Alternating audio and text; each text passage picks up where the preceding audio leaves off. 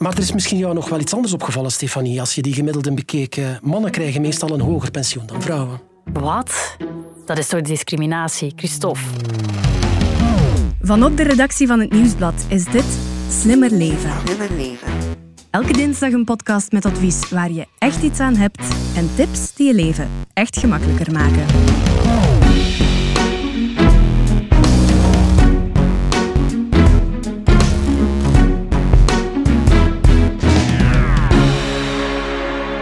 Ons pensioen. Voor de een een nog ver van zijn bedshow, voor de ander iets wat stilaan dichterbij komt, maar voor ons allemaal razend interessant natuurlijk en dus ideaal voer voor slimmer leven. Ik ben Elias Meekens en bij mij zit Stefanie Verelst, vaste redactrice van de podcast. Hallo. Dag Stefanie. En Christophe Simons van de economieredactie van het Nieuwsblad. En ook eh, financieel journalist. Dag Christophe. Dag Elias, dag Stefanie. Hey. In deel 1 van deze pensioenpodcast gaan we dus hebben over de basics van ons pensioen. Wat, wanneer, hoe en hoeveel? En poef, moet ik dan nog zo lang werken? Of zijn er ontsnappingsroutes? Alle antwoorden in deze aflevering van Slimmer Leven. Ik moet eerlijkheidshalve toegeven, ik ben daar totaal nog niet mee bezig, Stefanie, met mijn pensioen. Dat is inderdaad nog een ver van mijn bedshow. Hoe zit dat bij jou? Exact hetzelfde, ja. Ik ben daar ook helemaal nog niet mee bezig. Maar zo naïef niet mee bezig zijn. Hè. Ik denk daar echt bijna nooit aan. Um, ik ben nu 36 jaar. Ik zou zelfs niet weten wanneer ik bijvoorbeeld met pensioen kan, wanneer mijn datum is of zo. Echt geen idee, nee. Tot voor ik aan de voorbereidingen van deze podcast begon, wist ik van niets. Maar niet naïef in de zin van een roze spaarpot, een varkentje met de rosse centjes. Nee, maar gewoon van niet mee bezig zijn. Ja. Nee. Hoe zit het bij jou, Christophe? Uh, ik ben natuurlijk al wat langer bezig met dat uh, dossier, ook voor de voorbereiding voor Slimmer Leven uh, voor de krant. Um, maar ik moet toegeven dat ik zelf toch nog altijd een aantal dingen heb bijgeleerd. Want het is en blijft, jammer genoeg, een zeer ingewikkelde materie. Mm. Maar wel een belangrijke natuurlijk. Hè, want mm. we worden altijd maar alsmaar ouder, gelukkig maar. Hè. We leven nu gemiddeld 81 jaar. En hoe ouder we worden, hoe reëler de kans dat we natuurlijk weer geld zullen nodig hebben om op die laatste levensjaren ons te laten verzorgen. De zorgfacturen, het rusthuis, weet ik veel. Dus het is toch wel een belangrijke. Ja, en is het eigenlijk een probleem dan, Christophe, dat Elias en ik daar toch totaal niet mee bezig zijn? Ja, moeten we ons zorgen maken? Nee, nou, nog niet. Hè. Uh, Stefanie, je zei het zelf, je bent 36 en als ik het goed voor heb, uh, heb uh, ben je bezig een huis aan het verbouwen. Mm -hmm, is er een kindje. Dus het is normaal, je hebt andere katten te geestelen vandaag. maar op een bepaald ogenblik zal dat huis af zijn. Zullen de kinderen wat meer op eigen benen staan? ja, dan zal dat toch veranderen en dan kan je daar wel iets bewuster mee bezig ja. zijn. Stefanie zei het er net, ik weet zelfs niet wanneer ik uh, op pensioen kan. De overheid houdt dat wel allemaal goed bij natuurlijk. Wanneer zijn we begonnen met werken? En ja, ze weten zo ook wanneer we met pensioen kunnen. Hè? Dat klopt, ja. En eigenlijk kan iedereen dat, uh, zijn persoonlijk pensioendossier heel gemakkelijk bekijken op mypension.be. Dat is eigenlijk een officiële website van de federale overheid. Je kan daarop inloggen met je elektronische identiteitskaart of via de smartphone met je app It's Me. Dus mm -hmm. niemand anders kan jouw dossier inkijken, mm -hmm. voor alle duidelijkheid. En eigenlijk zou iedereen dat ook eens moeten doen, want uh, je krijgt dan meteen te zien wat jouw wettelijke pensioendatum is. En er verschijnen ook zelfs voorlopige berekeningen van het bedrag dat je dan maandelijks zult krijgen eens je met pensioen bent. Okay. Ja. Ik heb het gedaan. Hè. Ik ben daar voor het eerst naar mypension.be gegaan. Right. En? Uh, poeh, ja, ik ben wel geschrokken. Ja, tuurlijk wel. Uh, mijn wettelijke pensioendatum, dat is 1 december 2051. Heb je al een feestje genoteerd in je agenda op 2051, die dat is nog 30 jaar. Ja, ik, ik heb altijd waanzin gedacht... Waanzin eigenlijk. Echt waanzin. Ja. Ik heb altijd gedacht van, oh, ik heb al toch meer dan 10 jaar gewerkt. Um, dat voelt alsof ik toch wel al een beetje mijn best heb gedaan of zo. Ja. Maar ik moet dat dus nog drie keer zoveel doen. Dat is, dat is echt wel nog even, hè. Ja, dat voilà. is nog even. Ja. dat is nog even. Christophe, de huidige regels over het uh, wettelijk pensioen en ja, wanneer je op pensioen kan, zou je die nog eens kunnen oplijsten voor ons? Zeker, maar ik zou toch nog eerst een bemerking vooraf willen geven. Het is niet omdat er een wettelijke pensioenleeftijd bestaat dat je verplicht bent om dan te stoppen met werken. Je kan vroeger stoppen, maar je kan vooral langer blijven doorwerken.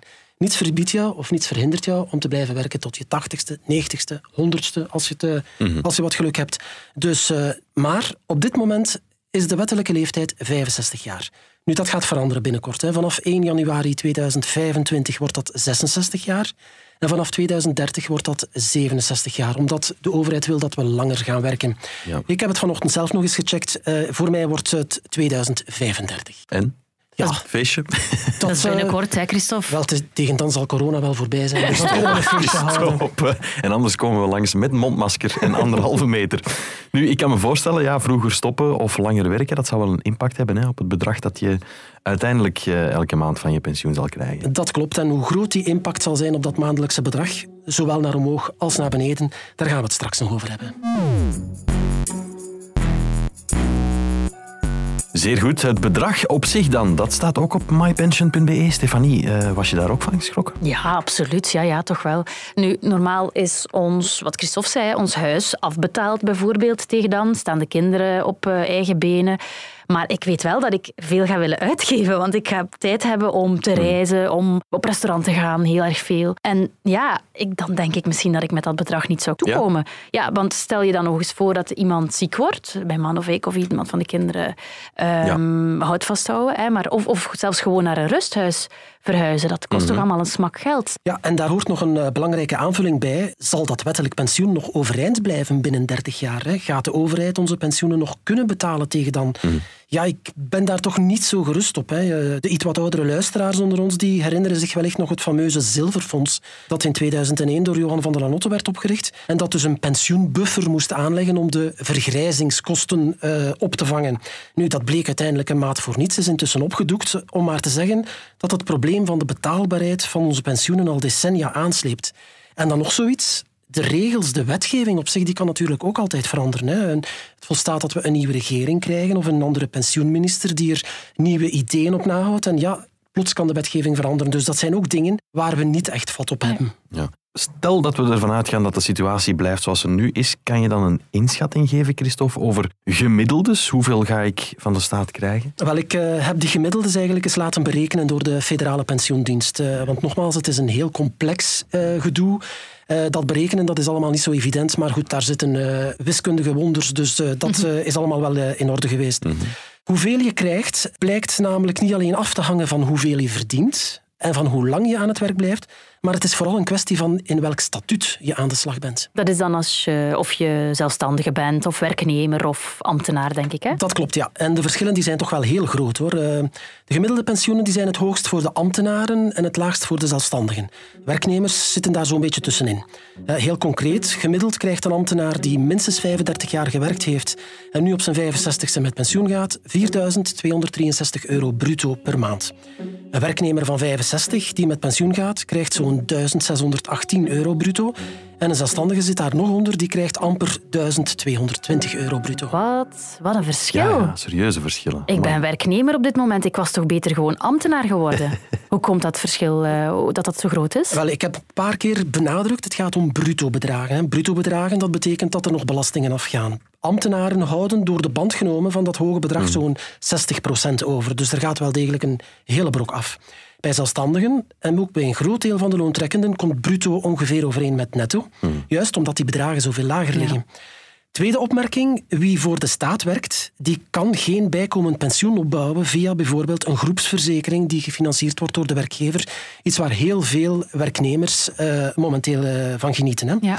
Van waar eigenlijk dat grote verschil? Wel, dat is een beetje historisch gegroeid. Elke regering heeft zo'n beetje bij elke pensioenhervorming, en er staat er trouwens weer eentje op de agenda, heeft geprobeerd om daar iets aan te doen, maar dat is natuurlijk niet altijd evident. Hè? Want wat ga je dan doen? Ga je het hoogste pensioen van de ambtenaren naar beneden halen? Ja, dan zijn die mensen natuurlijk kwaad. Ga je eh, de pensioenen van de zelfstandigen en van de werknemers naar omhoog doen? Ja, dan weet je sowieso dat het financieel nog moeilijker Ja. wordt. Dus dat is inderdaad een zeer moeilijke kwestie. Maar er is misschien jou nog wel iets anders opgevallen, Stefanie. Als je die gemiddelden bekeek, eh, mannen krijgen meestal een hoger pensioen dan vrouwen. Wat? Dat is toch discriminatie, Christophe? Wel, dat is inderdaad de eerste reactie die je altijd hoort. Hè. Pure discriminatie, Ja. schandalig. Nu, voor alle duidelijkheid, er zitten een aantal objectieve verklaringen eh, achter die het gevolg zijn van bestaande arbeidsmarktverschillen. Ik, ik som er enkele op. Hè. Ten eerste is er de fameuze loonkloof, waardoor lonen van vrouwen nog altijd lager liggen dan die van mannen. En ook al is de inhaalbeweging ingezet, het gaat nog altijd tergend traag. Maar het basisprincipe blijft, hoe meer je verdient, hoe meer pensioen. Ja. Dus daar worden vrouwen toch al een eerste keer gepenaliseerd. Daarnaast blijkt ook dat vrouwen veel vaker deeltijds werken dan mannen. Bijvoorbeeld eh, vier vijfden op de woensdag thuis te zijn uh, om de kinderen op te vangen. En ze stoppen ook vaker vroeger met werken dan mannen. Uh, dus dat zijn eigenlijk objectieve verklaringen die dan inderdaad doorspelen in de berekening van de pensioen. Ja, en die die gemiddeld dus naar beneden halen. Voilà, dat is het. Ja, sowieso. Het pensioenbedrag zal een stuk lager liggen dan wat we op dit moment uh, verdienen. Hè? Dat is duidelijk. Moeten we er dan vanuit gaan dat het uh, ja, sowieso niet genoeg zal zijn om even comfortabel uh, te leven? Ik zou dat toch wel doen als ik, als ik jou was. En ik zou dat ook aan de lezers aanraden. Hè. Wat helpt om die realiteit een beetje bevattelijk te maken, is om zelf eventjes de rekenmachine boven te halen. Hè. We bereken eerst eens hoeveel je elke maand gemiddeld uitgeeft. Niet alleen aan voeding, maar ook aan je ontspanning, aan je abonnementen, weet ik veel wat. Maar ga uit van een normale situatie. Ik bedoel, we zitten nu in COVID-tijden. Ja. Door corona geven we allemaal minder uit, hè. we sparen meer. Probeer eens in te beelden wat dat was in normale tijden. Ga dan ook na hoeveel dat je nog denkt dat je bij je pensioen nog nodig zult hebben, dus bovenop het wettelijke pensioen. En je berekent het verschil. Hè. Bijvoorbeeld, stel dat je op je 65ste met pensioen gaat en je hoopt nog 85 te worden. Dat betekent dat je uh, nog 20 jaar elke maand een bonus bovenop je wettelijk pensioen moet kunnen krijgen. Mhm. Stel dat die bonus 1000 euro is bovenop je pensioen, wel dan betekent dat dat je tegen je pensioendatum 1000 euro maal 12 maanden maal 20 jaar moet bij elkaar hebben gespaard. Dat betekent 240.000 euro, dat is niet niks. Hè. Mhm, Uit absoluut. je eigen zak dat je nodig zou hebben om 1000 euro extra. Ja. Dat klopt, ja. Heel, Maar, heel pittig. ja, maar één troost. Hoe vroeger je ermee begint, hoe haalbaarder dat is. Vandaar dat ik daarnet ook zei, van zodra dat je een beetje financiële ademruimte hebt, ga toch maar proberen om wat geld opzij te zetten voor het spreekwoordelijke appeltje voor de dorst. Ja. Want dat ga je wel echt nodig hebben. Zeg, en Stefanie, heb jij die berekening eh, ook eh, op jouw ik- situatie toegepast? Ja, maar ik denk dat wat Christophe, het voorbeeld dat Christophe geeft, dat dat wel een beetje in de buurt komt. Komt, ja, dus je gaat toch zoiets nodig hebben nog extra. Ja, nog geen idee hoe ik dat ga doen, maar ehm, als de situatie is zoals ze nu is, hè, dan, ja, dan zal dat inderdaad de situatie zijn. Ja. Maar ik heb nog even om erover na te denken. Hè. Ik dacht dat je ging zeggen om een bank te overvallen. Dat ook misschien.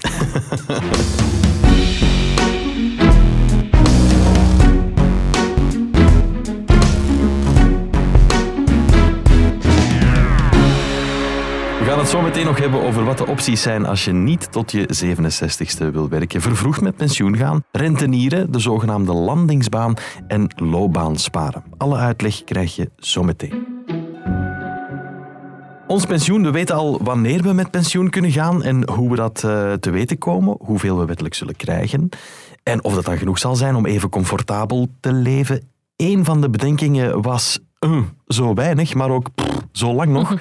Is daar iets aan te doen, Christophe? Jawel, toch wel. Er zijn vier zogenaamde ontsnappingsroutes waar je gebruik kan van maken om voor je wettelijke pensioenleeftijd te kunnen stoppen met werken. Maar pas op, daar hangt telkens helaas een prijskaartje aan. Als je vroeger met pensioen gaat, dan zal je wettelijke pensioenbedrag elke maand lager liggen dan indien je gewacht had tot je wettelijke pensioen. Ja, stel dat jij trouwens zo iemand bent die ehm, echt wel hoopt om vroeger met pensioen te kunnen gaan. Je bent niet alleen, want uit recente cijfers, ik vond het wel interessant, blijkt dat één op de drie loontrekkenden op dit moment zegt of aangeeft van ja, ik ga vroeger met pensioen Toch wel. gaan. Ja, Ja, ja, ja, ja. Dus je moet er niet mee inzetten. Ja, vervroegd pensioen. Christophe, hoe zit dat in elkaar? Wel, even terug naar de basis. De wettelijke pensioenleeftijd is op dit moment 65 jaar. Vanaf 2025 wordt dat 66. Vanaf 2030 wordt dat 67 jaar. Vervroegd pensioen opnemen kan nu nog altijd in de huidige eh, wetgeving vanaf 63 jaar. Op voorwaarde dat je een carrière van 42 jaar achter de rug hebt. Kan nog vroeger. Je kan op je 61ste stoppen, maar dan moet je al een carrière van 43 jaar achter de rug hebben. En als je op je 60ste wil stoppen, moet je al een carrière van 44 jaar achter de rug hebben. Met andere woorden, dan moet je al beginnen werken zijn op je 16e. Ja, poeh. Zoveel mensen zijn er zijn er, inderdaad Nee, niet. Eh, ik heb het zelf ook nog eens gecheckt. Ik zelf kan ten vroegste stoppen op 2031 op mijn 63ste. Eh, Je zei daarnet, eh, Christophe, elke maand of elk jaar dat je vroeger stopt met werken heeft natuurlijk een negatieve impact op je pensioen. Hoe wordt dat precies berekend? Wel, hoe dat precies berekend wordt, dat is een zeer ingewikkelde berekening. Ik kan je wel vertellen wat de basis is waar de pensioendienst zich op baseert. Je gaat bij die berekening van je pensioen uit van een looptijd van 45 jaar. Ook al mag je, zoals ik daarnet zei, langer werken. Geen enkel probleem. Maar er wordt uitgegaan van een loopbaan van 45 jaar. Heb je maar 42 jaar gewerkt, ja, dan krijg je dus maar 42 45ste van het pensioen dat je normaal zou gekregen hebben mocht je wel 45 jaar gewerkt hebben. Dat is een beetje de basis van de hele berekening. Ja, misschien is het wel leuk om het zo'n beetje concreet te maken dan. Ja, Stel uh, dat ik op My Pension zie dat ik 1750 euro netto per maand zou krijgen als ik op mijn 67 met pensioen ga. Um, hoeveel wordt dat dan als ik bijvoorbeeld drie jaar vroeger stop met werken, Christophe? Wel, ook dat kan je trouwens laten berekenen op My Pension. Dus dat is mm misschien ook een goede tip voor de luisteraar. Maar als je die berekening uh, maakt, dan zul je zien dat er ongeveer een 85 euro van je pensioen afgaat. Dus je 1750 euro wordt 1665 euro. Pas op, dat is elke maand. Ja. Als je nog 20, 30 jaar of langer leeft, betekent dat dat dus 20, 30 jaar elke maand dat bedrag Ja. niet op jouw rekening zal verschijnen. Ja. En Dus stel dat ik bijvoorbeeld maar één jaar vroeger stop met werken. Is dat verschil dan groot? dan verlies je maar 43 euro, dus dat is ongeveer de helft minder dan wanneer je zou stoppen drie jaar vroeger. Oké. Absoluut. Ik wil nog een optie om vroeger te stoppen met werken, Christophe. Dat is rentenieren. Oké. Rentenieren. Dat is natuurlijk niet voor iedereen weggelegd. Hè. Ik ben me daar heel goed van bewust. Maar het kan. Hè. Stel dat je de lotto wint. Of eh, dat je een gigantische erfenis hebt gedaan. Ja. Of gewoon dat je kan leven van het loon van je partner. Dat zijn allemaal mogelijkheden. Dan kan je dus inderdaad in principe en in theorie stoppen wanneer je wil. Ja, en concreet dan, met mijn pensioen eh, van 1750 euro netto per maand. Hè, dat stel dat ik dat zou krijgen. En stel dat ik bijvoorbeeld op mijn 55 stop met werken. Gewoon, hup, Ja. alles loslaten, alles achter mij laten. Ik stop gewoon. Ja, dus dan stop je eigenlijk 12 jaar voor je wettelijke pensioenleeftijd. Dat betekent, pas op, dat je gedurende die 12 jaar dus ook geen pensioenrechten meer opbouwt. Ja, ja, Nee. want je verdient niet, dus je draagt ook niks af aan de pensioenpot. Het verschil zal uiteindelijk 300 euro per maand zijn. Met andere woorden, je 1750 euro pensioen die je in normale situatie op je 65ste krijgt, Ja. zal 1450 euro worden. Met dien verstande dat je dat pensioenbedrag pas uitgekeerd krijgt op je 67ste. Ah ja, ik krijg dat niet op mijn 55. Dat krijg je natuurlijk pas op je wettelijke pensioendatum. Ah, Dus ja. dat betekent dat je elke maand van die 12 jaar je leven met je eigen middelen zult moeten financieren. Begin al maar te sparen, Ja, Stefanie. of ja, dan gaan we moeten zien. Ja. Hm. Goed, optie 3. De landingsbaan. Vertelde je daarnet. Wat is dat precies, Christophe? Wel, dat is eigenlijk een optie die mensen de kans geeft om het vanaf hun 60ste wat rustiger aan te doen. hè. Eigenlijk een soort van tijdskrediet dat we kennen van eh, het ouderschapsverlof of om voor een, eh, een zieke ouder te zorgen bijvoorbeeld. Maar in dit geval speciaal voor mensen op het einde van hun carrière, vandaar dus vanaf hun 60ste. En dat is dan halftijds gaan werken of zoiets? Of? Halftijds is inderdaad één van de twee opties. De andere optie is vier vijfde, waarbij je dus één dag in de week minder werkt. En wat het interessant maakt, het verschil in loon wordt bijgepast door de RVA. Voorwaarde om dat te kunnen doen is wel dat je minstens 25 jaar als loontrekkende aan de slag bent geweest. En wat is daar dan de impact op mijn pensioen, eh, Christophe? Wel, hè, die- Van die 1750 euro bijvoorbeeld? Wel, die is inderdaad die is eigenlijk heel klein. Ah. En eh, dat komt om de eenvoudige reden dat je dus inderdaad je loon hebt bijgepast gekregen van de RVA, dus via een uitkering. Mhm. Eh, als we het eventjes berekenen, dan zou op een bedrag van 1750 euro dat amper 9 euro zijn wanneer je vier vijfde zou werken. Ja, En ga je halftijds werken, dan wordt dat een kleine 25 euro per maand. Dus dat is best haalbaar. ja, valt mee.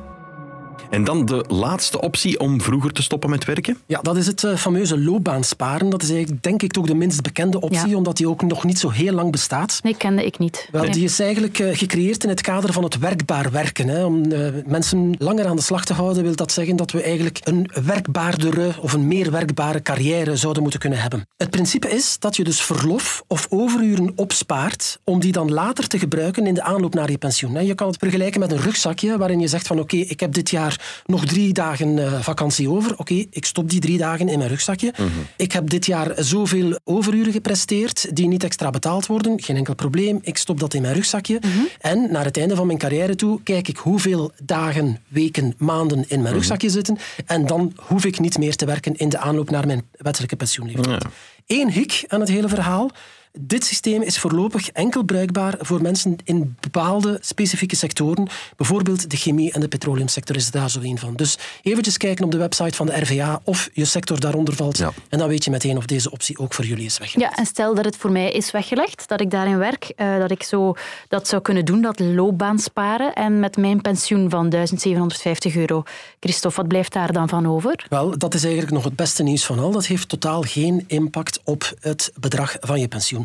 Om de eenvoudige reden dat die dagen sowieso doorbetaald zijn als loon. Ja. En uh, op loon wordt een afhouding gedaan, komt er een pensioenbijdrage. dat komt dan in de pensioenpot terecht. Dus voor de pensioendienst en voor de overheid bent u gewoon aan de slag. Dus, maar nogmaals, het kan niet voor iedereen. Eventjes checken. Oké.